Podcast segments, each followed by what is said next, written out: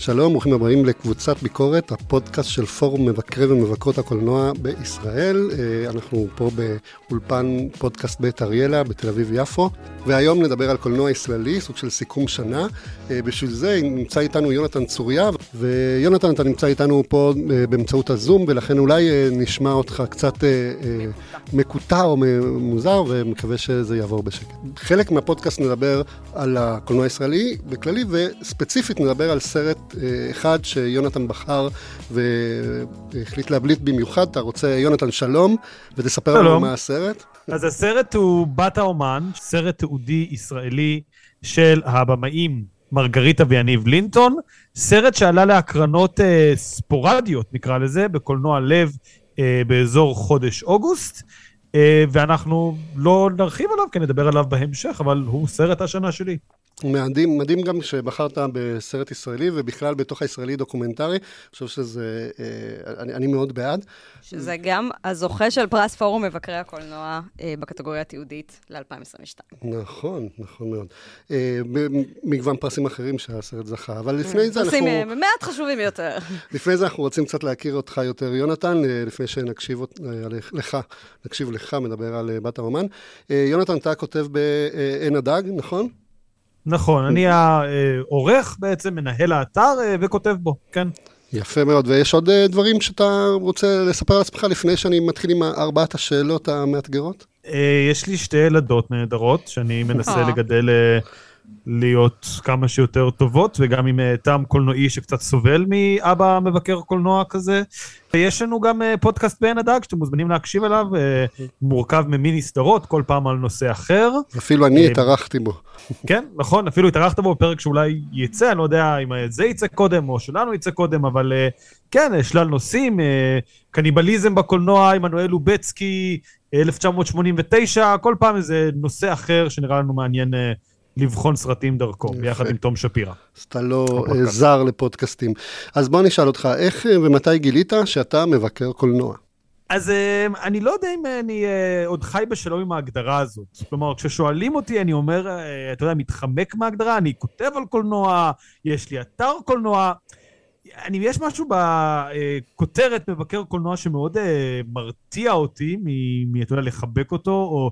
אבל בהחלט הבנתי שאני בתוך זה, נקרא לזה, בתוך uh, ענייני כתיבת הקולנוע, נראה לי שהפעם הראשונה זה שכאילו מישהו הקשיב להמלצה שלי ואמר, לא ידעתי על הסרט, עכשיו ידעתי, הלכתי, וזה מעין, אה, אני לא יודע אם להגיד כוח, אבל זה בדיוק ההשפעה שהיית רוצה מביקורות קולנוע, אתה mm. יודע, אמ, כלומר, אה, יש אה, המון דברים נחמדים בלקטול סרט ולהסביר למה אתה חושב שהוא נוראי, אבל נראה לי ש... הדבר שאני הכי אוהב בביקורות קולנוע זה להגיד, תקשיבו, יש סרט קטן או סרט גדול שאתם פשוט שכחתם עליו, תדעו שכדאי לכם לראות אותו, ומישהו רואה ונהנה ממנו. זה. נראה לי הדבר הכי טוב שאפשר לעשות. ההנאה בלהמליץ על סרטים לכוון זה אחד הדברים שאתה אוהב בזה. כן. לגלות לאנשים סרטים. זה גם הרבה פעמים במאים, אה, במאיות אומרות על זה שהם גילו חלק מהסרטים דרך זה שקראו מבקרי מבקרות קולנוע, ו... וזה נורא נחמד גם לגלות את זה, שהם כאילו, שהרבה פעמים מבקרי הקולנוע הם סוג של, אה, לא יודע, מורי דרך או מורות דרך ל, ליוצרות, יוצרים צעירים, ובסתם לאנשים כנראה. אנחנו כנראה שמענו את היוצרות ויוצרים מדברים על זה, אבל בטח גם אנשים שהם לא הפכו בהכרח ליוצרות יוצרים. אה, אוקיי, סרט כן. שמגדיר אותך, או את הטעם הקולנועי שלך, או המקום ממנו אתה בא לכתוב ביקורת. אז אני, יש לי תשובה של משהו שאני לא יודע אם משקף את הטעם הקולנועי שלי, אבל שאני מתחבר אליו, זה כאילו קצת הטעם, ויש משהו בגישה, כי רשמנו גם המקום שאתה בא ממנו, וזה אולי לא בדיוק סרט, דווקא יוצר אחר. אה, אז זה סרט שאני חושב שקצת אה, מגדיר את מה שאני עושה, זה סרט יפני מ-2013, אה, Why Don't You Play in Hell? למה שלא תשחק בגיהנום? מסוג הסרטים שקשה לבדיוק לתאר, זה סרט על צוות גרילה של יוצרים צעירים בקולנוע, שזה uh, סיון סונו הבמאי, אוקיי. הזכרתי. Uh, סרט של שלושה יוצרים שאיכשהו מתערבבים עם היאקוזה, והם נורא רוצים לצלם, ויש שם פרסומת למשחת שיניים שמשחקת, וכאילו זה מתחיל, ויש שם המון המון טונים שונים בין קומדיה לאמנויות לחימה, אה, לאיזשהו מלודרמה, למדי פעם באמת רגעים על דרמה, ומן הסתם יש עיסוק מאוד גדול בקולנוע, ובמה בעצם הקולנוע הזה, אה, כאילו, מה הוא, אה, איזה סוג של יצירה הוא, אה, וזה באמת משהו ש... שוב, זה בסוג הסרטים שאני הכי אוהב, הערבוב הזה. כלומר, אם הייתי לוקח סרט יותר גדול, הייתי אומר, בונג ג'ון הו בסרטים שלו הרבה פעמים מערבב המון ז'אנרים שאנשים קשה להתחבר אליהם. כלומר, אתה אומר, אני יכול להתחבר שאתה עושה את המותחן המשטרתי, אבל למה יש עכשיו סצנת סלפסטיק באמצע זיכרונות מרצח? אני יכול להתחבר לסרט אקשן שלך, אבל מה זה הטירוף הזה שכריס אוונס מדבר בשיא הרצינות על לאכול ילדים? והמשחקי טונים האלה, מבחינתי, אתה יודע, זה מעבר לטעם הקולנועי שלי, זה איך שאני תופס את החיים. משהו בהם הוא שילוב וערבוב מאוד גדול, בלגן שאי אפשר לשלוט בו, אה, והסרטים המבולגנים האלה, שמערבבים הרבה דברים ומצליחים ליצור מהם אפילו לא הרמוניה, אבל איזושהי דיס-הרמוניה שהיא כל כך כיפית ומספקת, זה אה, הטעם, אבל אה, אם אני צריך... אה, המקום שממנו אני בא, אז uh, כשהתחלתי לכתוב, אתה יודע, דיברתי עם אנשים אחרים, וגם אני רואה כותבים uh, אחרים באתר או בכלליות, וגיליתי שאני קצת uh, איזשהו קלינט איסטווד בנושא הזה. מה זאת אומרת? Uh, במובן שאתה יודע, קלינט איסטווד uh, באופן מפורסם, אומרים עליו שהוא בא, מתיישב, עושה שוט אחד, אומר, יפה, סיימנו. Uh, וככה זה גם קצת, כאילו אני גיליתי שכתיבת הביקורות שלי, כלומר זה, יש לי איזה משהו מזמזם, אני בא, יורק אותו על הדף והולך. אז זהו, זה לא סרט ספציפי כמו איזשהו סגנון עשייה, אבל כן. מדי פעם זה בא לידי ביטוי, אתה יודע, כמו הסצנה הידועה לשמצה בצלף אמריקאי עם התינוק בובה הזה, שהוא כאילו אמר, בסדר, מי ישים לב, יאללה, זה תינוק בובה, למי אכפת, אין לו כוח לחכות לתינוק, לא נעכב עכשיו את הכל. מדי פעם יוצאים דברים יותר טובים, יש לו גם סרטים טובים, אבל זה איכשהו ה... אה, הדרך, נקרא לזה ככה. אתה מדבר למישהו שמאוד מחבב גם את סוג הסרטים האלה, כמובן, אני אפילו פרסמתי מאמר אקדמי על שינויי טון בקולנוע הדרום קוריאני. אה, אני מאוד בעד. ביקורת או טקסט שכתבת ושאתה מאוד מרוצה ממנו, גאה בו. אז אני מניח שהתשובה היא גם בגלל שאני ישראלי, בסופו של דבר אכפת לי מקולנוע ישראלי. אה, אני יודע שלא לכל המבקרים אה, תמיד זה מה שזה, אבל אני כן מרגיש מאוד חלק מהארץ הזאת, ואכפת לי מה התעשייה הקולנועית אומרת עלינו כארץ. אה, ויש טקסט אחד שכתבתי על רפרנסים ואזכורים בקולנוע הישראלי, ובעצם על זה שאין. אה, וזה טקסט שכתבתי, נראה לי 2018, אני, או, 2000, או תחילת 2019, אמ, על זה שאתה יודע, אתה רואה במאים כמו טרנטינו, או אפילו סרטים של מארוול, וקשה כן, לראות סרט אחד אמריקאי שלא נתלה באיזה אילן גבוה אחר, אתה יודע. כן, גם, גם סקורסזה וספילברג, כולם. אחד מהקלאסיקות הגדולות של האמריקאים, או אפילו הקלאסיקות הקטנות, אתה יודע, טרנטינו מדי פעם מאזכר איזה סרט אתה יודע, ג'אנגו. קורסזה, ספילברג, האחים כהן, כל מי שמרים מצלמה, אה, אה, איך קוראים לו, פול תומאס אנדרסון, לא משנה, בארצות הברית, יש לו מסורת קולנועית שהוא מתייחס אליה, מרפרר אליה. אה, כן, לוקח השראה, עושה מחווה, כן. זהו, ואני מרגיש שבקולנוע הישראלי יש כמה שינויים, אנחנו נדבר גם על סרט אחד שעשה ממש את זה השנה, אבל בגדול יש איזשהו, אני לא יודע אם ביישנות או בורות, או... השורה התחתונה היא שאין המון התכתבות. אה, או התעלות בקולנוע הנהדר שיש לנו משנות ה... הוא התחיל יחסית מאוחר, בסדר? התחלנו להרים אה, רגל רק בערך בשנות ה-50 אה, על התקן, 60 באמת באופן רציני ויותר פעיל, אבל יש לנו כל כך הרבה סרטים נהדרים שאפשר לשאוב מהם מסורת, ואפשר להתכתב איתם, ואתה יודע, והקולנוע הישראלי לא עושה את זה, ואתה יודע, זה מעבר גם לטוב, אז uh, אתם לא אוהבים, אתה יודע, את אפרים קישון, ואתם לא אוהבים את מנחם גולן, זה נראה לכם מאוד מצועצע, אוקיי, אתם במאים שעובדים אחד עם השני. אה, אתה יודע, יש את הסיפור בשנות ה-70, שסם ריימי וווס קרייבן, כאילו עקצו אחד את השני, כל, כל אחד שם פוסטר של השני בסרט שלו, כאילו להגיד, אתה... אתה עשית סרט קיצוני, אני עושה סרט יותר קיצוני ממך.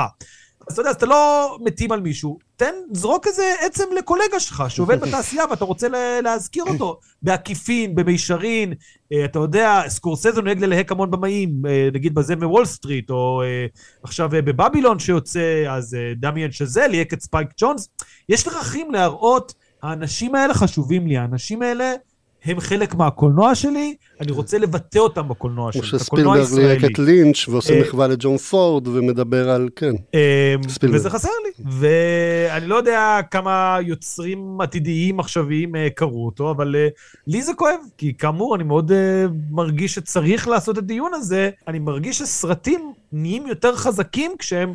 מודעים למורשת שלהם ומשתמשים בה. אני כן רוצה להגיד שלמשל זה קשור לדבר הזה שכשעושים סרט אה, תיעודי על קולנוע ישראלי, או הסדרה כמו שעשה יאיר רווה, או, או סרט כן. כמו שעשה אה, אה, רפאל נג'ארי, אה, תמיד מראיינים את הבמאים, במאיות ישראלים, וכולם, כל אחד מהם אומר, אני הראשון שעשיתי ככה, אני המצאתי ככה, אני...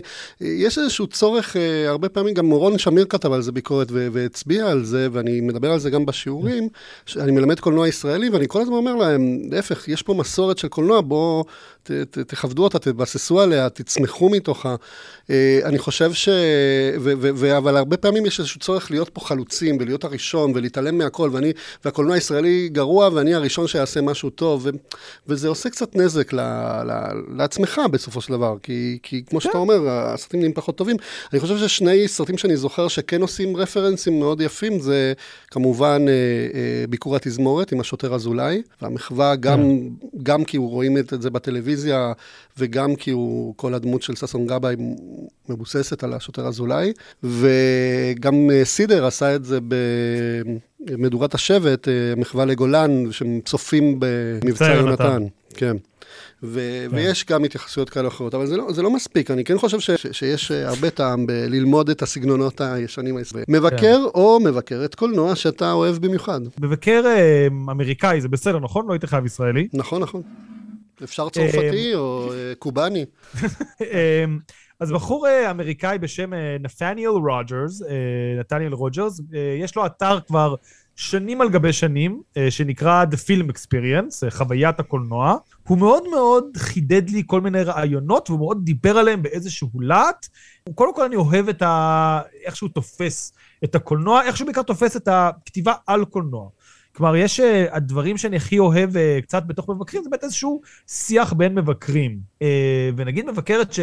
עד לאחרונה מאוד אהבתי יחסית סאשה סטון, אה, שגם כן אה, כתבה ב Awards Daily, קצת איזשהו, רואים שהיא עברה את הקצה ועכשיו היא כאילו סתם כועסת על כולם וכל הזמן מאשימה את ה... אה, אתה יודע, את הטוויטר, בזה ובפה ובשם. בטקסטים שלה, כאילו? או, או אחרי... בטקסטים, כן. היא כותבת כאילו טקסט שבועי על מצב המרוץ של האוסקר, ושם היא... כבר בשלב שזה מאוד מחזור עצמי, היה לה גם טקסט שזכה לעג לפני איזה אני לא זוכר כמה חודשים, שגברים ביולוגית מביימים יותר טוב, או איזושהי טענה שלא לחלוטין הבנתי שם, וכאילו, היא קצת אה, לא לחלוטין שם, וזה חבל, כי יש לה מסורת ארוכה של כתיבה אה, ממוקדת מדי פעם על המצב של תעשייה ועל דברים שקורים שם, אבל אני לא מדבר עליה, אני מדבר על לפעמים רוג'רס, אז נגיד, אתה יודע, דבר כמו, אה, הוא עושה את הטקס סוף שנה שלו, והוא אומר, אין לי זוכה, יש לי מקום ראשון, שני ושלישי. כלומר, אה, שיש בזה משהו, אתה יודע, יותר אה, להוציא איזשהו אלמנט תחרותיות, שכל התעשייה הזאת מאוד מכוונת, שכאילו, שיש פרס ויש זוכה ויש אה, זה. והוא מאוד מאוד גם מדבר באופן תקיף על מה שהוא קורא לה תרמית קטגורית. אתה יודע, שחקני משנה באוסקרים, או בכל מיני פרסי מבקרים, או פרסי טקסים, הם כאילו, אתה יודע, חצי מהזמן בסרט יש להם תפקיד אה, גדול, אבל הם הילד, אז הם דוחפים אותם למשנה, או אה, הוא סתם יודע שבקטגוריה הזאת יש לו סיכוי לזכות באוסקר, אז הוא מעמיד פנים שהוא שם. הם, אה, קולין פרל מועמד על קומדיה. הסרט שהוא בבירור כן. לא קומדיה. אבל רגע, זה אומר שמה שאתה אוהב בו, שהוא מתייחס, לא בהכרח, אמרת מבקרים אחרים, אבל שמתייחס באופן רחב גם לתעשייה ולא רק לסרטים. כן, שיש לו איזשהו מבט, כאילו, נקודת מבט שם שהיא... Uh, אתה יודע, מאוד uh, כן מסתכלת קדימה, אבל גם שואלת שאלות שנכון לשאול, נגיד את זה ככה, על כאילו, מה אנחנו עושים פה, ואם מה שאנחנו עושים פה הוא נכון, אה, והוא כאילו מאוד מאוד, אתה יודע, קראתי אותו מגיל מאוד צעיר, ואני אשקר אם אני אגיד שהוא לא עיצב חלק מאיך שאני מסתכל על כתיבה של אה, ביקורות או על קולנוע בכלל. כן, אני חושב שיאיר רווה עושה את זה לא מעט פה גם אה, אצלנו. אה, יפה, טוב, תודה רבה שהכרנו אותך קצת יותר טוב. בואו נתחיל קצת לפני בת האומן, אני כן רוצה לדבר קצת אה, על השנה של הקולנוע הישראלי שהייתה לנו. אה, אז צריך להגיד שהייתה שנה מוזרה בקולנוע, אני קורא לה מוזרה, וכל מי שאני מדבר איתו אומר, אתה מתכוון גרועה. אני לא מתכוון גרועה. אני מתכוון לא מוזרה. כמו שאני ונעמה אוהבים להגיד בכל פעם שמארחים אותנו איפשהו, בקולנוע הישראלי יצאו סרטים מארבע שנות אופיר. הייתה שנה מוזרה. יש עוד סרטים שעומדים בתור פשוט... גם. יש עוד סרטים שגם היו באופיר לפני שנה, שנתיים, שלוש או ארבע, והם עומדים עדיין, ב... כן. מחכים להפצה. אני חושב שזו אחת ה... אחת הבעיות של הקולנוע הישראלי היום זה שיש, ש, שאין הפצה, שאין כמעט הפצה. מאוד כן. קשה להגיע ל, ל, לקהל, מאוד קשה, כי אנשים גם בקושי מגיעים לקולנוע באופן כללי. וסרטים נתקעים ו- ומחכים, ולתזמון הנכון, כאילו כבר ראינו אותם כן. לפני שנה, שנתיים, שלוש, בפסטיבלים, בפרסי אופיר וכזה, והם עוד לא, לא, לא מצאו מסך. ו- וחלק גם ממה שזה עושה, זה יוצר איזושהי...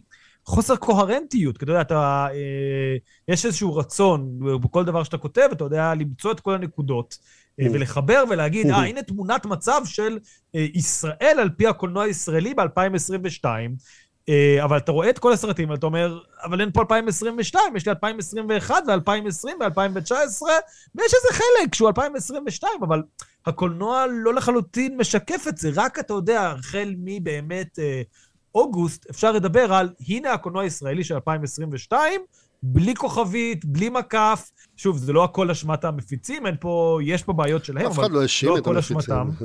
אה, אבל זה יוצר פשוט תמונת מצב שאתה יודע, אתה רוצה להגיד, הקולנוע הישראלי אופטימי, פסימי, אה, כן מדבר על הסכסוך, לא מדבר על הסכסוך. אה, אבל בכל זאת יצאו סרטים, וצריך לשים את האצבע ולהגיד מה שיש פה. והסרט האחד הכי גדול בעצם, שמבחינה סטטיסטית, לכאורה, כל מי ש... הכי, גד... הכי סביר שמי שראה את זה, זה בחורים טובים. הלהיט היחידי שאתה יודע, מושיע את הכבוד של קולנוע ישראלי בקהל רחב. בקהל רחב. כן, לקהל הרחב. לא, לא מבחינת איכות, מבחינת, אה, אתה יודע, לא, לא, אה, זה יכול להיות גם איכות, אני לא, לא, לא באתי להתווכח. אה, רק במובן הזה שהיו סרטים אחרים שזכו בפרסים, או שכן, היה להם כל מיני הישגים. אבל זה כאילו מבחינת קהל, כי אפילו אה, עולה לראש, אה, לא, לא ממש... אה... עולה לראש, אני מבין, עשה כאילו בדיוק, אתה יודע, על הקשקש בשביל להיחשב הצלחה, אבל כאילו בחורים טובים היה להיט, הוא עשה כן.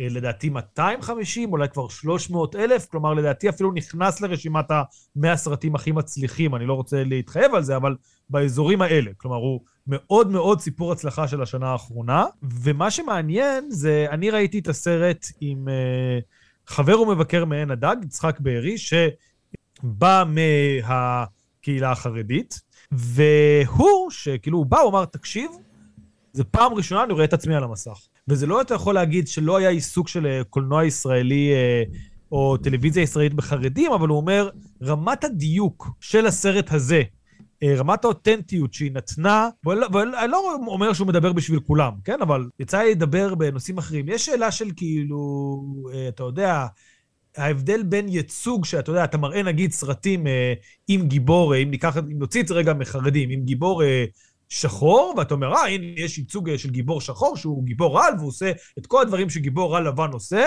אבל הוא שחור, אז הנה, יש ייצוג. אה, לבין סרט שמדבר על ה...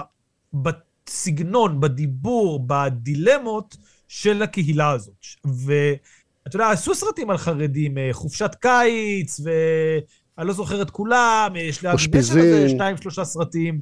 אבל זה מרגיש בפעם ראשונה שעשו סרט בשביל חרדים, כן, ולא אין, על אין, חרדים. כן, זה בדרך כלל אפשר להגיד שהרבה מהסרטים אה, על חרדים נעשים אה, עבור קהל אה, חילוני שרוצה להסתכל על הקהילה הזאת בביקורתיות. אה, גם אם זה בא מתוך העולם אה, החרדי, למרות שלא אה, יודע, הסרטים של רמה בורשטיין הם על קו התפר אפשר להגיד, נכון? אה, אז אני אגיד, נגיד הרמה בורשן זה, זה טוב. היא יוצרת חרדית, היא יצרה, אה, ועדיין יש משהו בסרטים שלה שהוא אה, כאילו קולנוע גבוה, נקרא לזה. כן. אוקיי? ואתה יודע, כאילו, אוקיי, אני בטוח שיש המון חרדים שכן מעריכים את זה, ורואים את הדילמות של ה...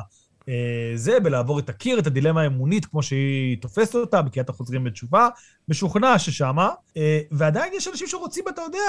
את ההוויה כאילו... הרגילה גם של נערים חרדים, אתה אומר, אתה... הסוג סיפורים שהם מכירים, סיפורים, אתה כן. יודע, יותר uh, קלים, מבע קולנועי מתחכם בשתיקות, וכאילו, אתה יודע, אני לא זוכר, לעבור את הקיר זה השני, הראשון זה למלא את החלל. השני זה... יש פה משהו ארטהאוסי. ואני בטוח שיש חרדים שמתחברים לזה, אבל יש גם חרדים שאתה יודע, אוקיי, הם לא גדלו על... אתה יודע, על טרקובסקי. אה, וזה שסרט, שוב, מדבר בשפה היותר... יותר מתקשרת, זה המילה... כן, כן, זה עושה משהו. אבל מה עוד מייצג? זאת אומרת, אוקיי, אז זה הסרט הכי, אה, נגיד, פופולרי, או שחיבר את הקהל. כן. אה, יש עוד נקודות ציון שאתה מרגיש, נגיד, היו המון יוצרים צעירים, היה הרבה יוצרים ותיקים שעשו, זאת אומרת... זהו, אז יש בעצם השנה, אם אתה יודע, נעבור מהפופולרי ל... לא יודע איך לקרוא לזה, פרסים, ביקורות, זה, יש את השני, השניים שהצליחו והאחד ש... היה משהו קצת אה, מריר יותר, שלא לחלוטין מצא את עצמו. אז השניים שהצליחו זה סינמה סבאיה וקריוקי, שאתה יודע, התחרו ראש בראש באופיר, אה, גם בפרסי המבקרים שלנו, זה היה ממש כאילו, הם היו המובילים במרוץ. אה, שני סרטים שונים, צריך להגיד. אחד מאוד גדול בסך הכל, זה, הוא בבניין דירות אחד, זה, זה לא שיש לו מלא לוקיישנים או משהו, אבל יש משהו שהוא לוקח סיפור uh, קטן, וזה קולנוע מאוד גדול. כלומר, אתה מרגיש שהוא יותר גדול ממה שהוא. הוא מצ, מצולם בגדול, הוא גורם לדירות הפאר האלה, וגם לדירות הלא פאר להיראות כמו הפקה יותר מרשימה ממה שאני מניח שהיא. Uh, וסינמה סבאיה, אני לא יודע כמה כסף כן היה שם, לא שם, הוא מאוד בכוונה דווקא מנסה להיות קטן, הוא מנסה להראות משהו, אתה יודע, אם... אה, אתה יודע, אם קריוקי מתרחש בסך הכל בבניין אחד, אז סינמה סבא לא עוזב את החדר הזה. חדר אחד. תוך חדר כן. אחד, סרט שלם. אה, והשלישי אה, לכל הסיפור הזה, אני רק אוסיף מתוך זה, זה ויהי בוקר, הזוכה הגדול, החד משמעי של פרסי אופיר של 2021, ניצח את אבי נשר עם תמונת ניצחון, את נדב לפיד עם ברך, את אגדת חורבן של גידי דר, והגיע ואתה יודע, הוא אפילו לא הצליח להגיע לשלב שהוא מעורר מחלוקת, התח... ושר התרבות רב איתו, ו... כן. ואומרים איך יכול להיות שסרט כזה, הוא הגיע כמעט בשתיקה מוחלטת. אה, לארץ. ואני אישית לא התחברתי אליו, אני יודע שאתה חושב שהוא... אה, אני חושב סרט, סרט מרשים, סרט מדהים, כן. יכול להיות שבאמת זה מראה ש... עד אוגוסט, אה, יכול להיות שאתה יודע, הם יהיו מחכים איתו אפילו יותר, וזה אבסורד. הוא היה יוצא באוגוסט, והקולנוע הישראלי כבר קצת משתקם, יכול להיות שזה עושה לו יותר טוב, אבל יש באמת רצף סרטים שויהי בוקר מייצג אותם, שהם בסך הכל סרטי איכות ששווה לגלות, אני אדבר על אפריקה, אני אדבר על קולות רקע, אני אדבר על הנה אנחנו, אני אדבר על כן. ויהי בוקר, אה, ואני בטוח שאני שוכח עוד כמה אנשים, ונא לא לכעוס עליי, גם הסרטים שלכם מעולים, ופשוט הם יצאו, ואף אחד לא הגיעו, כאילו היה כן, כמה אני, חודשים. אני מאוד אהבתי גם. את uh, הסרט... Uh, שמה, שוב? על העורכת דין שמטפלת במקרה של... אה, לא, זה דווקא יצא באוגוסט, שזה גם, צריך לדבר על זה, סוף... סוף שבוע אבסורדי ששלושה סרטים ישראלים יוצאים באותו שבוע, מתחרים אחד בשני. תזכיר את השם, כאילו כל מה שאני יכולה, כל מה ש... יורים לשלושתם ברוץ. כל מה שאני יכולה, אדמה בוערת, והכרה. חלק מזה, גם אשמת הקהל, כאילו אפשר לקחת אשמה איפה שזה, הוא לא בא, וחלק מזה, אה, כן, זה, אתה יודע, זה הפצה שאמרו, טוב, אנחנו לא יכולים להשאיר את זה לעד, או אנחנו לא רוצים, או אנחנו לא מאמינים שזה אי פעם יביא קהל, אה, והם לא פיצחו את זה לחלוטין כשיטה של איך לעשות מזה כסף, אז הם הוציאו, הגיעו, כמה שהגיעו, לא יודע. המשכנו הלאה. ניסיון אה, בערך, שוב, מאפריל, אתה יודע, אה, נקרא לזה... הסרטי אה, משה אדרי שחושב שיביאו קהל, או מקווה שיביאו קהל, או אה, בין אם זה הסיפור שלנו, חומוס פול טרייל, שניסה לעשות גיא ריצ'י, טרנטינו כזה, אה, והאחרון זה עולה לראש, שנראה לי שהוא היחיד מהשלישייה הזאת, אה, ועוד אחרים שבאמת אה, עבר את המאה אלף כרטיסים, שזה נחשב לכאורה אסף הלהיטים. אם לעשות איזה סוג של מיפוי, אני, אני כאילו כן רוצה להוסיף קצת משלי בהקשר הזה. מצד אחד כאילו היה הרבה סרטי ביקורים, ואחד הדברים שאני שם לב בתעשייה הזאת, יש את, את הלהיטי קולנוע, שגם קולנוע פופולרי, אה, או שמנסה לתקשר עם קהל יותר, שמנסה להביא את הקהל הצעיר בעיקר, להתחבר, לחבר את הקולנוע הישראלי לקהל, שאתה קראת להם סרטי משה אדרי, אבל כי באמת הוא אחד האנשים שהם, אה, כאילו, סרטי United King מנסים לקדם את זה אה, מאוד. לפעמים מצליחים, וכל הכבוד שהם ממשיכים וממשיכים, וזה חשוב להם. לצד זה, כאילו, מה שראיתי, שהרבה אנשים שרצו לעשות סרט ראשון, אה, התחילו לעשות, כמו שהתחלת להגיד, על אה, סינמה סבאיא וקריוקי, וזה, זה, זה נוצר תחושה של אה, סרטי חדר. זה סרטי שניים, שלושה אנשים בחדר, שהתקציבים יורדים ויורדים ויורדים בצעירים אה, שרוצים לעשות קולנוע, הם צריכים אה, לצאת בצורה, או עם קרן מאוד קטנה, או בצורה עצמאית.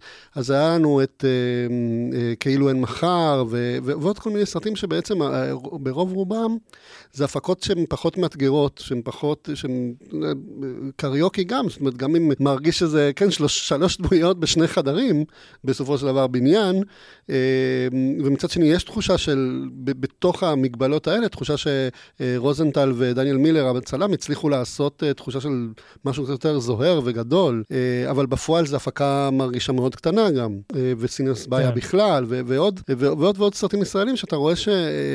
אה, אין מה לעשות, צריך לצאת לצלם, אז, אז, אז יוצאים לצלם עם, עם, עם תסריט כזה של uh, סרטי חדר. Uh, ומקווה שהמגמה הזאת בקולנוע הישראלי, כאילו, אני אוהב את זה, אני אוהב שאנשים מוצאים דרכים יצירתיות אה, לעשות סרטים במגבלות, כן, גם היצ'קוק עשה סרטי חדר, כן, חלון אחורי וזה, אבל זו הפקה אחרת. זה, זה מין משהו שחוזר הרבה, והייתי שמח לדעת שיש יותר תקציבים, שאנשים יכולים, שהם לא נחנקים כזה, והם יכולים לצאת לעשות סרטים איזה. הייתי מגמה של סרטים שהם נעשים על ידי במאים אה, להט"בים. בעיקר הומואים, ש... כן. שיש בהם משהו מעניין, שכאילו, גם אם אין, אה, אם לא עוסקים במערכות יחסים אה, להט"ביות, רומנטיות, אה, יש בהם איזה טונים כאלה נורא מעניינים של סגנון קולנועי, וגם, וגם לפעמים של, שהוא, שהוא מעניין, שהוא, כן, הסרט של משה רוזנטל, קריוקי, יש בו אלמנטים, כן, קווירים ופופים כאלה, כן, של פופ, ושמאוד מזכיר אסתטיקה כזאת שיכולה להיות קווירית יותר. כמובן, אזרח מודאג, כאילו אין מחר. מחר, עכשיו שיצא, זה לא נכנס לשנה, אבל הסרט של אה, אה, אופיר, אה, ראול גרייצר, אמריקה, וזה mm. סרטים שהם, שיש בהם אסתטיקות מעניינות, שיש בהם אסתטיקות, חשיבה קולנועית מאוד מעניינת, ושהם, והם כולם עם איזה שהם אנדרטונים הומואירוטיים, או עיסוק ישר בזוגיות הומוסקסואלית, וזה מעניין. אני חושב שזו גם מגמה אה, אה, יפה ש, ש, שקורית. ואחד הדברים שהטרידו אותי מהצד השני, אה, זה סרטים כמו סינמאס באיה או ואי בוקר, שאין כבר... המעט סרטים שהיו פעם, של יוצרים ויוצרות פלסטינים, ערבים, ישראלים, איך שהם רצו להגדיר את עצמם, אה, שעושים סרטים על הקהילות של עצמם ועל עצמם ועל החיים שלהם, הם הולכים ונעלמים וכבר לא קיימים, כי הסרטים על החוויה ועל ההוויה הפלסטינית עשו אותם במאים יהודים. כן. ו- ונוצר איזשהו מצב ממש משונה ומוזר והגיוני גם כמובן, שבו יוצרים אה, פלסטינים ובעיקר הרבה יוצרות פלסטיניות, אבל אם אנחנו מדברים על, כן, אה, תאופיק אבו בייל ומה חאג' שעשתה את הסרט הראשון שלה, וכאילו הרבה, מה, לא משנה, אה, מייסלום חמוד וכל מיני, היה איזשהו גל קטן של סרטים של יוצרים ויוצרות פלסטיניות, כאילו, תל אביב על האש וכל מיני. בשנים האחרונות, אז, אז, אז פתאום זה, גם זה נעלם, גם זה לא היה. כן. ואותי זה מטריד, אני לא אוהב את זה, אני, אני מודה שאני לא אוהב את זה, משהו צורם לי בזה. אה, לא שאסור שיהודים יעשו סרטים על פלסטינים, זה לא, לא מהקטע הזה, אבל שזה כן. מה שיש. זה מרגיש לי קצת כזה, מה, מה קרה פה? ו- ואגב, אמרת, אני מאוד אוהב את ויהי בוקר, אני חושב שזה סרט מבריק, סרט מדהים. ועדיין צורם לי נורא. אה, הייתי שמח גם. להיות באוטופיה שמפרקת את כל הזהויות, ושכבר לא משנה מי פלסטיני ומי ערבי ומי יהודי, וכולנו עושים סרטים על כולם, אבל זה לא המצב שלנו. כאילו, אנחנו כולנו שומעים את השיח של... אה, אה, כל אחד צריך לבטא את עצמו ולהיות מסוגל לספר את הסיפור שלו, אבל יש פה עניין של פריבילגיה שמנוצלת דווקא למטרות בסופו של דבר חיוביות, כל עוד היא באמת נותנת מקום אה, לכל פלסטיני, ולא לכל של דמיינתי סיפור, כן. וזה לפחות ברמה ה... אה, אני לא יודעת אם הוא איבד את התסריט בעצמו, אבל הוא מבוסס על ספר של סייד קשוע, זה לא... שכתב בעצמו, נראה לי. זה לא שהוא המציא אה, אה, פנטזיה על אה, איזה קשה זה לחיות תחת הכיבוש הישראלי, מה שאני בטוחה שקיים איפשהו כן, כן. בקולנוע הישראלי. קיים כל הזמן. הוא פשוט... אה, הוא פשוט ניסה להשתמש בפריבילגיה so called שלו בשביל ליצור איזשהו סרט שאולי קהל ישראלי יהיה מוכן אשכרה לראות, אני לא יודעת כמה כרטיסים כן, הוא מכר, אבל, אבל אני יכולה לנחש... אבל בסופו של דבר, כמו שיונתן אמר, אף אחד לא... הוא לא הצליח לא... להעלות את זה לסדר היום הציבורי ברמה שהוא היה רוצה, כנראה. אה, אני אוסיף באמת, בהמשך לשיח הזה, אולי את הסרט הישראלי שלא היה כזה, שזה קדחת ים תיכונית של מהא חאג', Mm-hmm. במאית שהסרט הראשון שלה כן יצא בישראל, הפצה מאוד קטנה, עניינים אישיים, זה היה השם של הסרט הקודם. זה סרט שאני חושב שהוא מבריק. היא לא הלכה פעם לקרן ישראלית, היא, למה שאני יודע, לא קיבלה תמיכה. לא, לא, אה, היא לא, לא, לא פנתה מראש. תראה, מה שקורה, אני, אני וידוי, אה, גילוי נאות, אני הייתי בקרן בלקטורה כשאישרנו לה את התסריט הראשון, את ה... את עניינים אישיים. את עניינים אישיים, אני עפתי על התסריט הזה, הרגשתי שהולך להיות אה, זה, ובאמת הסרט גם יצא לדעתי מצוין. זה לא היה נראה שהיא לגמרי מודעת לאופן שבו הסרט יוחרם בעולם הערבי, בגלל שיש לו את החתימה, את החותמת של קרן קולנוע ישראלית. ו, וזה אחת הצרות גם של היוצרים הפלסטינים שעושים סרטים פה, או ערבים ישראלים, איך שנרצה, איך שהם יגדירו את עצמם, זה ש... אה, בתור אזרחי אה, מדינת ישראל, ועכשיו אנחנו מדברים על, על, על האזרחים, אה, מגיע להם, הם משלמים מיסים, מגיע להם ליהנות גם מהטבות של, של הקרנות פה, כי, כי הם משלמים מיסים פה והם חיים פה, ו, ו, וזהו, לפי החוק, ולפי המגיע, הם תורמים. ו, והם את עצמם במצב שאם הם כן יעשו סרטים בתמיכת הקרן, הסרטים שלהם יוחרמו ולא יוכלו להיות מוצגים באזורים בעולם שמאוד חשוב להם שיוצגו. ומה האג' מגלה ש... שיש אתגר, ובעולם הערבי לא מקבלים עדיין בטוב את זה שפלסטינים אה, שגרים פה בארץ, אה, או ערבים ישראלים, אה, עושים סרטים עם כסף ישראלי, אז, אז הם חייבים לחפש דרכים אחרות להפיק, כמו שאליה סולימן עושה, וחני אבו אסד עושה. ו... הסרטים החדשים של סולימן גם לא מופצים בארץ כן. בשלב הזה, גם לא בפסטיבלים, לא בכלום. כן. והם חייבים למצוא את הפתרון האלטרנטיבי. ולכן כאילו הסרט של מהחאג', הסרט השני, כבר היא למדה את הלקח והיא כבר עושה סרטים עם כסף אירופאי, למרות שהיא מפה. וזה מצב שהתעשייה המקומית לא יכולה כרגע, או לא רוצה, או לא, לא יודעת איך להתמודד איתו. כי אנחנו רוצים uh, בתור uh, יוצרים, אומנים, ליברליים וזה, רוצים שיהיה שוויון בהכל וזה, ואנחנו מתנגדים לקרן שומרון. אבל בפועל יש פה בעיות uh, הרבה יותר מורכבות שאנחנו צריכים איכשהו לתת את הדעת עליהם. אז הסרט הזה היה סרט מאוד טוב, שכמו שאנחנו אומרים, בגלל ההפצות, בגלל כל הבעיות, לא הוא עושה ב...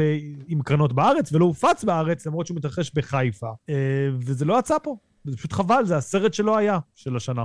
כן, וזה עצוב כי זה היא כישרון מדהים, אה, מה החאג'. אז ראינו המון זוויות של הקולנוע הישראלי, ומה... מה אנחנו מרגישים, מה, מה זה אומר, זאת אומרת, גם סרטים שלא יצאו בזמן, גם סרטים שניסו לפנות לקהל, חלק הצליחו, חלק לא, ולטובה אה, ציינו כמה, גם סרטים של במאים ראשונים שהם עושים סרטי חדר קטן כדי לנסות להתחיל לדרוך על בתעשייה, אה, גם סרטי מיינסטרים אה, שבעצם, כאילו מיינסטרים אני קורא לזה לסרטי איכות הישראלים הטיפוסיים שבדרך כלל היו מושכים יותר קהל, לא הכנסת גם את שמי זרחין לתוך הדבר הזה, אבל גם, זה, זה שמי זרחין, זה ערן קולירין, זה...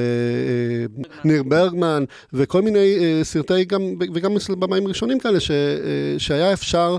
שפעם היו מביאים הרבה יותר אנשים, uh, מתעניינים בזה, והפעם הם לא, לא, לא קיבלו את התשומת לב, אולי בגלל הקורונה. נפלו בין הכיסאות קצת כנראה. Yeah. יונתן, שהתארחנו בתוכנית של אלברט ונחום, היה... הם אמרו שעלו יותר סרטים ישראלים השנה מאשר בשנה ממוצעת, לא? כן, כן, אומרים שהופצו יותר סרטים. אני לא יודע אם ספרו את ההפצות בסינמטק תל אביב, שזה גם אה, דבר שלם שאפשר לדבר עליו, שסרט מוקרן בארץ באולם אחד בסינמטק תל אביב, אתה יודע, מחוץ לספירה של רוב צופי הארץ הזאת. אה, ככה נגיד ליידי אמר יצא, שכן, אה, אתה יודע, יש כן אנשים ראו, כן היה עליו ביקורות בטיים אאוט או משהו, אבל כאילו אם לא היית בסינמטק תל אביב בשבועיים שהוקרן, לא, יכול, לא יכלת לראות אותו. שזה מקווים... אגב מחבר אותנו לבת האמן, שנדבר עליו אחר כך, שגם שיטת הפצה אה, של לוי קצת מוגבלת במובן הזה. אבל מעניינת מאוד. אה, אבל נגיע לזה אחר כך.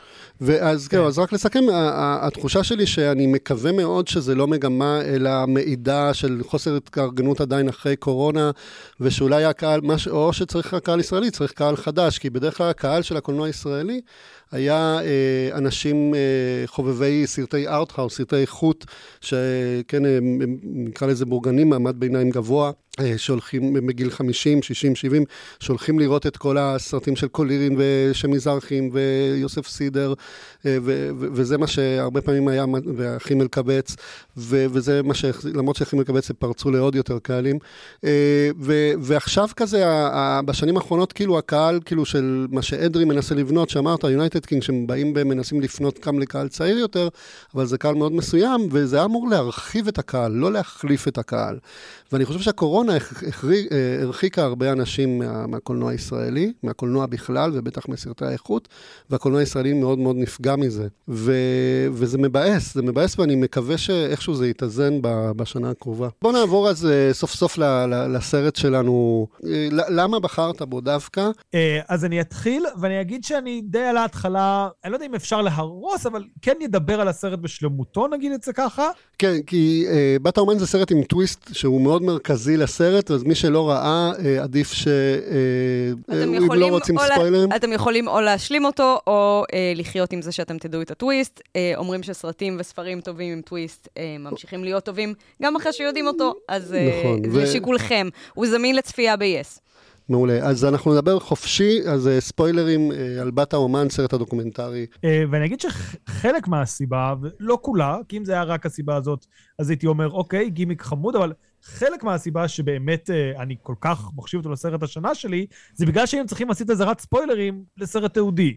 שלרוב אתה יודע, זה לא דבר כל כך שקורה, אבל בת האמן בא לך בשום מקום עם טוויסט שהוא לא רק, אה, תפסנו אתכם, אלא הוא נותן את האגרוף בבטן. כלומר, יש נגיד את ה... אם נדבר רגע על סרטי טוויסטים, את הטוויסט של החשוד המיידי, שבו אתה מרגיש, אוקיי, עבדת עליי, בסדר, אז הכל היה שקר, מגניב, חמוד, בסדר. אבל יש, אה, אתה יודע, נגיד את הטוויסט הרגשי של אה, מועדון קרב, שכל השיח עם טיילר דרדן, זה היה הוא עם עצמו. וכל האלימות הזאת... זאת אומרת, אתה צריך להזהיר שזה לא רק ספוילרים לבת האומנה לכל סרט שנעשה אי פעם. לכל סרט טוויסטים. העלילה של בת האמן היא על מרגריטה לינטון, במאית הסרט, חצי מצמד במאית הסרט, שמתחילה ליצור קשר מחדש עם אבא שלה, אה, היא מתחילה ליצור איתו קשר מחדש, היא מדברת על הקשר שלה איתו, שבעצם כמעט ולא היה, הוא די ניתק איתה קשר, לעומת הקשר היותר טוב שהיה לו עם אח שלה, והקשר מול אימא שלה, והסרט כאילו, אה, כל הזמן יש את ההבטחה של אבא שלה שכן, אנחנו ניפגש, תוכלי לעשות עליי סרט, אה, והוא קצת מורח אותה לאורך כל הסרט. ובאיזשהו שלב היא אומרת, טוב, האבא שלי כל כך מורח אותי, אולי אני אה, אמצא איזה שחקן לעשות את זה, את האבא שלי, ואתה אומר, אה, אוקיי, רעיון חמוד, אה, כאילו, אנחנו רואים את ההכנה לשחזורים, כאילו שהיא תעשה, למקרה ש... אבל אז אתה מגלה, אה, לקראת סוף הסרט, שלא רק שהיא שכרה איזה שחקן לשחק את אבא שלה, בסדר, אלא ממש כל מה שראינו עד כה, התמונות, העוצר בגלריה, השיחות טלפון שהם לכאורה הוקלטו, הכל היה מזויף, כי אבא שלה ברגע האחרון אמר, אני לא רוצה, אני לא רוצה שתדברי איתי, אני לא רוצה שתעשי עליי סרט, אני לא מוכן שישתמשי בציורים שלי, אני לא מוכן שישתמשי בשם שלי, והייתה צריכה להמציא את הכל מההתחלה. אה, ובניגוד לכל מיני סרטי אה, טוויסטים אחרים, שאתה יכול להגיד, אה, איזה מגניב, אוקיי, אה, לא צפיתי את זה. הדבר הראשון שהטוויסט הזה עושה, זה מפיל לך את הלב, כאילו מרסק אותו. כי אתה יודע, הדבר האחרון שעוד היה לה, מהקשר עם אבא, היכולת לספר את הסיפור הזה, אה, להציג אותו כמו שהוא, גם אותו הוא לוקח לה. אה, שאני רוצה להוסיף גם שהיא מדברת קצת בסרט על הקשר שלה ושל אבא שלה בהקשר של... היא רצתה שיהיה להם קשר של אה, אה, מנטור ואמנית. באיזושהי כן. רמה. היא אומרת שהיא קיוותה שהיא תוכל אה, לעבור איזושהי חניכה, דר, כאילו, דרך הקשר איתו כאמנית, שהיא תוכל ללמוד ממנו ומהניסיון שלו, למרות שהוא צייר והיא במאית קולנוע, וזה לא בדיוק אותו דבר, אבל עדיין יש להם את הדבר הזה במשותף, ופשוט לא רק שהוא לקח לה את היכולת לספר את הסיפור, הוא לקח לה את המדיום שבו היא בחרה, כן. באיזושהי רמה. של אף אחד לא יחשוב שזה הגיוני אם היא תגיד לו, אל תצייר אותי בציורים שלך. זה תמיד כזה מובן מאליו, שאמנים גדולים יכולים לצייר את המשפחה שלהם, את החברים שלהם, את הפנטזיות המיניות שלהם, והכל בסדר לגמרי. ופתאום, בהקשר הזה, זה כזה, לא, אל, אל תשתמשי בשם שלי ברמה הזאת. לא, זה קורע לב, זה, זה באמת איזשהו טוויט שאתה מבין שכל מה שראית זה, זה זה תמיד היה הבת שמחפשת את אבא שלה, שרוצה קשר עם אבא שלה, אבל עכשיו גם את החיפוש הזה היה בכלל גם את החיפוש לקחו לה, והיא, והיא לא ויתרה. זה מה שכל כך מרגש גם, שהיא לא רק עבור הצופים, לא רק כדי שלא יהיה לה סרט, כי פתאום, אה, אין לי סרט אז אני פורשת, אלא אה, לא ויתרה כאילו, כי, כי סוג של יצרה לעצמה את, ה, את החוויות האלה עם אבא שלה, והיא הולכת ואנחנו רואים אותה מבלה עם השחקן, ו, כן, שזה ו, ממש חמוד. וזה מטשטש את הגבול, והשחקן מגלם את אבא שלה, ו, ו, ו, ונוצר קשר... ומשוויץ בה כזה. כן, ונותן לה איזושהי חוויה מתקנת שהיא לא אמיתית, ואנחנו כולנו יודעים, וגם היא יודעת שהיא לא אמיתית, ועדיין יש בה המון עוצמות, אה, ו, וזה נורא יפה לעסוק בסרט, לראות סרט יהודי שעוסק בעוצמה של השקר, בעוצמה של הבדיה, בעוצמה ש... של הדברים שאנחנו ממציאים. ששם היא אומרת גם משהו מאוד יפה, של אה, היא מסבירה בעצם את, את למה היא עשתה את זה, והיא אומרת איך אתה משקר בשביל להגיד את האמת. כן. אה, כי ברמה מסוימת היא, היא סוג של רימתה אותנו, אבל אנחנו לא... היא לא, אנחנו, אבל היא לא. זהו, אנחנו לא, אנחנו מבינים שלא, והדרך שלנו להבין את זה, זה זה שאני חושבת שהאמן שמצייר את הציורים הלא אמיתיים, את הציורים במקום הציורים של אבא שלה, נדמה לי שזה הוא, הוא אומר לה, אה, זה לא סרט על אבא שלך, זה סרט עלייך. אה, ו- וזה המפתח באיזושהי רמה של, כן. כאילו, זה סרט על החוויה שלה בתוך מין מבוך מראות כזה מול אבא שלה. אה, ולכן אני אומר, הטוויסט, זה הרגש. כלומר, זה החלק הרגשי שהוא לחלוטין עובד וגורם לך לא להרגיש שזה זה. אבל יש כאן, גם כמו שאת אומרת, משהו באמת שכלי, שבסרט על ההיעדר של האבא, הטוויסט שאתה יכולת לתפוס זה שאין אבא, שהכל פה זה מהחיסרון שלו. כלומר, זה מאוד מתכתב, יותר ניתוחית נקרא לזה, עם מה שהסרט עליו. זה לא סתם טוויסט לשם הטוויסט, זה בטוח, או טוויסט בגלל האילוץ, זה ממש מתכתב עם כל הסרט. זה שהיא לא יכולה להשתמש באבא שלה, זה שאבא שלה לא שם, והיא צריכה להמציא אותו באיזשהו מקום, כי הוא לא היה שם, אז היא הייתה צריכה בראש שלה להמציא אותו. וגם אם, כאילו, לא בדיוק להמציא, כמו שהיא מין כזה, גם רואים שבאמת הדגש שלה, היא מדברת קצת על אבא שלה ומי הוא ומאיפה הוא הגיע וזה, אבל נגיד השיחה שלה עם העוצר היא לא בהכרח איך אבא שלי כאמן, אלא למה החלטתם דווקא את התמונה היחידה שהייתי אמורה להופיע בה, לא להכניס לתערוכה? למה דווקא אני פחות חשובה כדי שתערוכה על החיים של אבא שלי לא תכלול שום אזכור שלי? אמ, והציור הזה שנקרא בת האומן, שהדיוקן שלו זה, שזה כן, דיוקן שהיא עושה על עצמה. כן. כן. כי, כי ברגע שהאבא לא עושה את הדיוקן עליה, או לא מוכן שיהיה כמעט ולא יופיע. אבל כן. מה שחשוב זה שכמו שאתה אמרת, המפתח זה שהיא עושה, או את אמרת, שזה סרט עליה, היא עושה את הסרט על עצמה, היא לוקחת את המושכות, ו- ויש סרט נורא מרגש גם בהקשר הזה.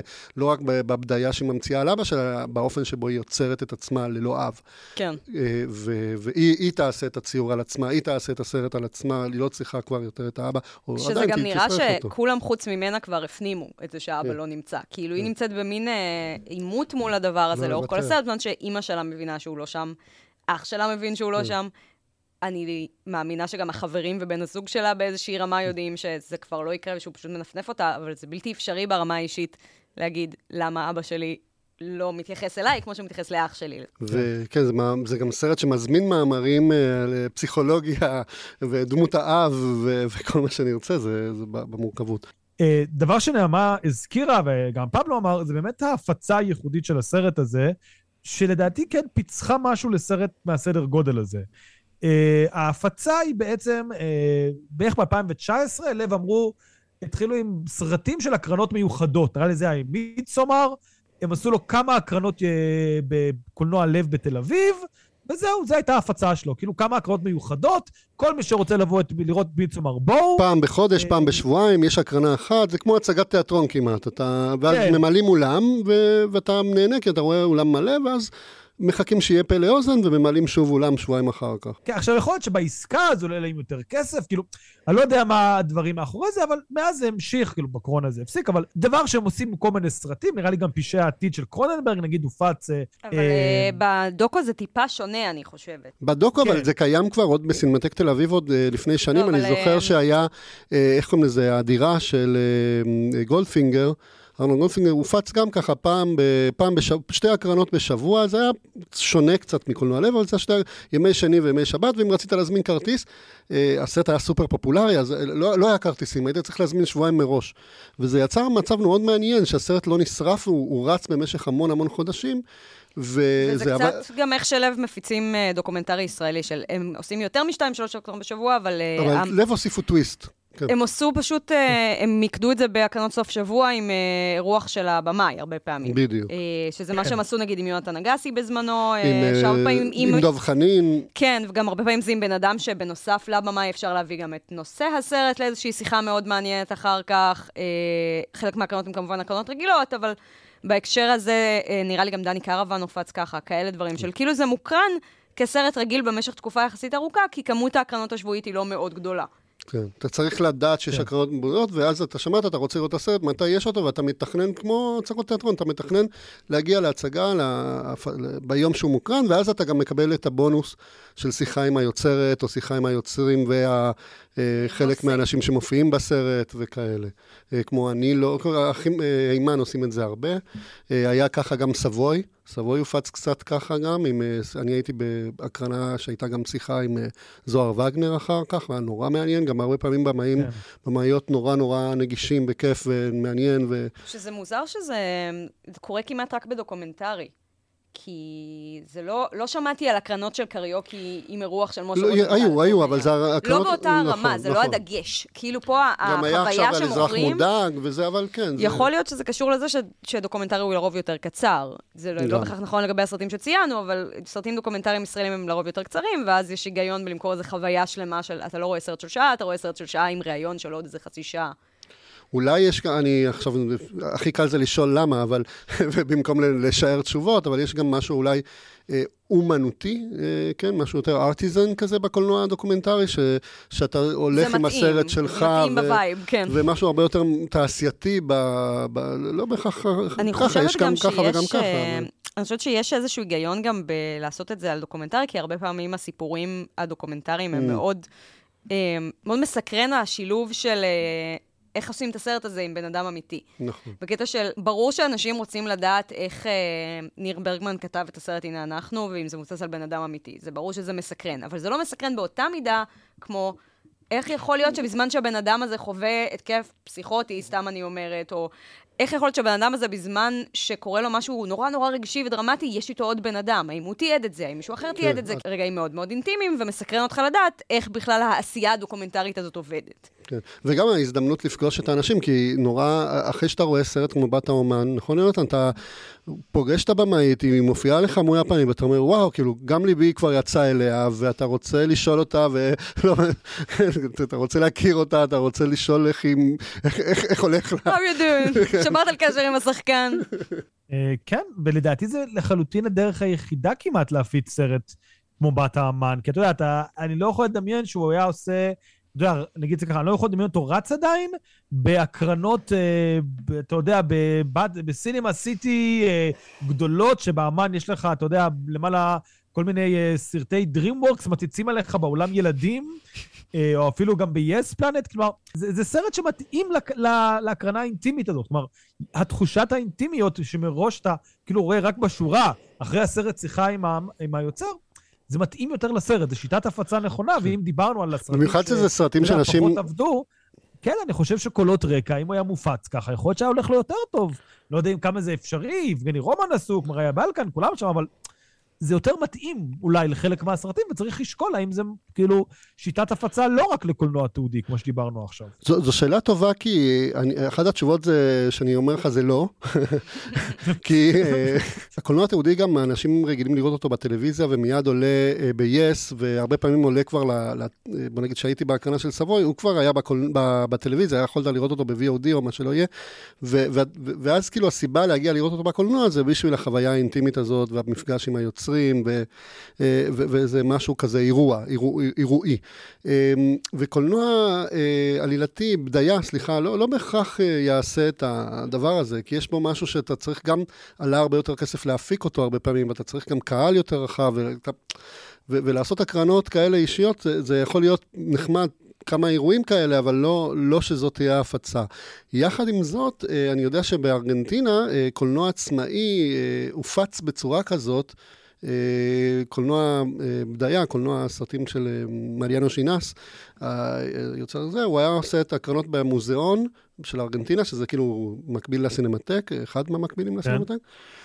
והיה עושה הקרנות של רק בשבת וראשון, בשמונה בערב. כל יום שבת וראשון בשמונה בערב יש את הסרט הזה, ואם אתה רוצה לראות אותו, אתה, אתה יודע, הוא רץ במשך חצי שנה, אה, והדרך היחידה לראות את הסרט, זה לא, לא במהלך השבוע, לא בבוקר, לא בצהריים, זה, זה, זה, וזה כמו הצגת תיאטרון. ואז, ושוב, ואז הוא היה מקדם את זה, אבל שוב, זה קולנוע עצמאי וקטן וזה, ואז הוא היה גם מקדם את זה בקטע כזה שהוא היה מחלק פליירים, ואגב, ה, ה, היה היסטוריה כזאת פה בארץ עם הכוכב, היה, הכוכב הכחול של גור כן, בנטוויץ'. שזה קאלט בפני עצמו. כן, כן אבל זה, זה, זה באמת כקאלט ולא כ... זה גם סרט עצמאי, לא? כן, גם, גם סרט עצמאי וזה.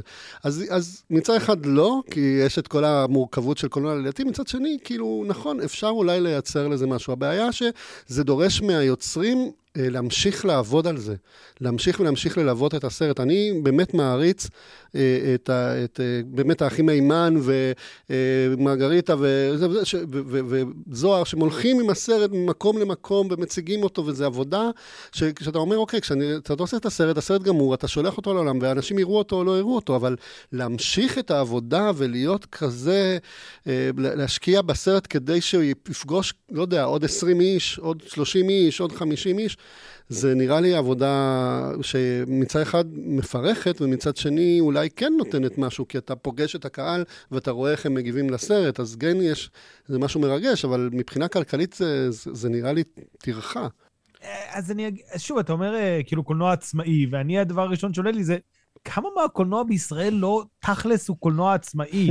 כלומר, אה, גם, גם התקציבים הכי גדולים שלנו, לרוב, אתה יודע, מגרדים אה, מלמטה איזשהו סרטי A24, שזה לכאורה קולנוע עצמאי באמריקה, אני לא יודע בארגנטינה, זה השוואה אחרת, אבל כאילו רוב הקולנוע פה, כן, הוא קטן, וכמו שאתה אומר, יש אה, חסרונות, ואתה יודע, אתה מלווה את הסרט, וכל ליצור סרט חדש, אבל אני כן מרגיש, שוב, אני לא אומר שזה כל סרט. אני לא חושב, אתה יודע, אה, סרט כמו עולה בראש, לא היה צריך הקרנות אה, עם הופעה אחר כך של ערוץ הכיבוד, למרות שאני מניח שהיה צריך לעשות איזשהו גימי. אבל כן, שוב, סרטים יותר קטנים, אפריקה נגיד.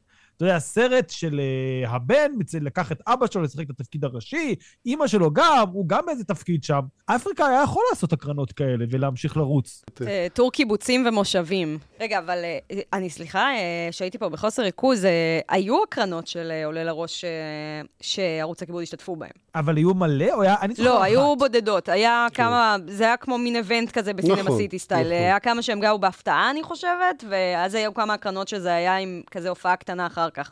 אגב, אחד האנשים בתעשייה שעשו את זה והיו סוג של חלוץ בזה, אולי בטח היו לפניו גם, אני לא יודע, אבל זה היה דן וולמן דווקא, עם, אה, עם הסרט שהוא עשה גאוני, שהוא גם היו הקרנות רגילות בסינמטק, אבל גם הוא ליווה מאוד את ההפצה בכל מיני מתנסים, בכל מיני קיבוצים, בכל מיני מקומות, והוא היה כזה, כאילו כמו בן אדם שבא עם העוגה שהוא הכין ומוכר אותה בכל מיני... אה, זה, אז הוא היה הולך עם הסרט שלו ועושה הקרנות אה, חד פעמיות בכל מיני מוסדות, וזו הפצה סופר עצמאית בהקשר הזה, אבל זה, זה, זה עבודה, אתה, אתה עובד גם בהפקה, גם בכתיבה, גם בהפקה, גם בעריכה, ואחר כך גם בהפצה עצמה. מצד שני, יש לך שליטה מאוד טוטאלית, אה, לא יודע אם קולנוע לב זה יהיה פחות, אבל אה, יש לך יותר כנראה אה, שליטה מסוימת של מפגש עם קהל וישירות וכאלה, והרבה פעמים עושים, בכל מקרה, שמעתי גם מהרבה יוצרים, שהרבה פעמים ה, הכסף שהם עושים זה על כל מיני מפגשים עם קהל שמזמינים אותם ומשלמים אה, להם על זה, על אה, מפגש עם תיכוניסטים, מפגש עם אה, כל מיני אה, אירועים כאלה או אחרים, כי, וזה אפשרי כשעושים סרט אה, שעוסק בנושא ראוי לדיון. מצד שני, אה, מה שאתה מציע על קולות רקע זה משהו שיכול להיות רחב יותר, בהחלט, כן. כן, זה, זה מעניין, זה, זה, זה, זה אסטרטגיה ששווה לחשוב עליה. במיוחד בעידן של uh, streaming ו-VOD, ושכולם רוצים לראות מהבית, מאוד קשה להתחרות uh, ב event הקולנועי של, uh, של, בין אם זה arthouse כמו אלמודובר, ובין אם זה uh, uh, סרטי גיבורי על של הוליווד או משהו כזה, ואז הדרך שלך לעשות את ה event הקטן שלך זה... זה, זה הפצה שאתה אומר, אוקיי, מי שירצה יראה את זה ב-VOD, אבל אנחנו נעשה מספר הקרנות, נלך עם הסרט ממקום למקום, כמו הופעה חיה. אה, אז אה, זהו, זה, זה הבחירה שלי. כאילו, אני מאוד רציתי לדבר על כל הקולנוע הישראלי, כי כאמור, גם אם זה, אתה יודע, גם אם בת האמן לא היה יוצא, וסרט השני שלי היה סרט אחר, חשוב לי לדבר על הקולנוע הישראלי, חשוב לי להעלות מודעות עליו, חשוב לי לדבר עליו באופן כן כמה שאפשר, שזה מאוד קשה, כי אתה יודע, אנחנו ביצה קטנה, אז כל דבר שאתה אומר על משהו, הוא כנראה יודע, אה, אבל עדיין חשוב לי, כי לי אכפת מהקולנוע הישראלי, ואכפת לי מה הוא אומר, וכל הדברים שהעלינו פה, כאילו כל הבעיות כואבות לי. כאילו באמת הייתי רוצה שהקולנוע כן. שלי יהיה חזק, יהיה בטוח בעצמו, יוכל לאפשר קולות שונים, שיהיה לו קהל, שיבוא לראות אותו. אם דיברנו על רפרנסים, שהוא יתעניין בעצמו ויראה בעצמו מורשת קולנועית חזקה. אה, ויש כמה דברים חיוביים שיצאו השנה, כאמור, עולה בראש כן מתכתב בסך הכל עם קולנוע ישראלי, אה, אבל אה, לכן היה לי חשוב, אבל בת האמן, גם בלי כל הקולנוע הישראלי מאחוריו, הוא באמת סרט שאתם חייבים לעצמכם לראות, אפילו אם שמעתם את הכל והרסנו לכם את הטוויסט. כן, אז תודה רבה, יונתן, תודה רבה, נעמה, שהיית פה גם השתתפת וטיפלת בכל העניינים הטכניים. תודה רבה, פבלו. תודה. ותודה לפודקאסט בית אריאלה, אולפן של אה, ספריית בית אריאלה בתל אביב-יפו, שאירח אותנו. היינו כאן קבוצת ביקורת, ונתראה ב... בואו נתראה. נשתמע, נשתמע. נשתמע בפרקים הבאים. bye bye. bye bye.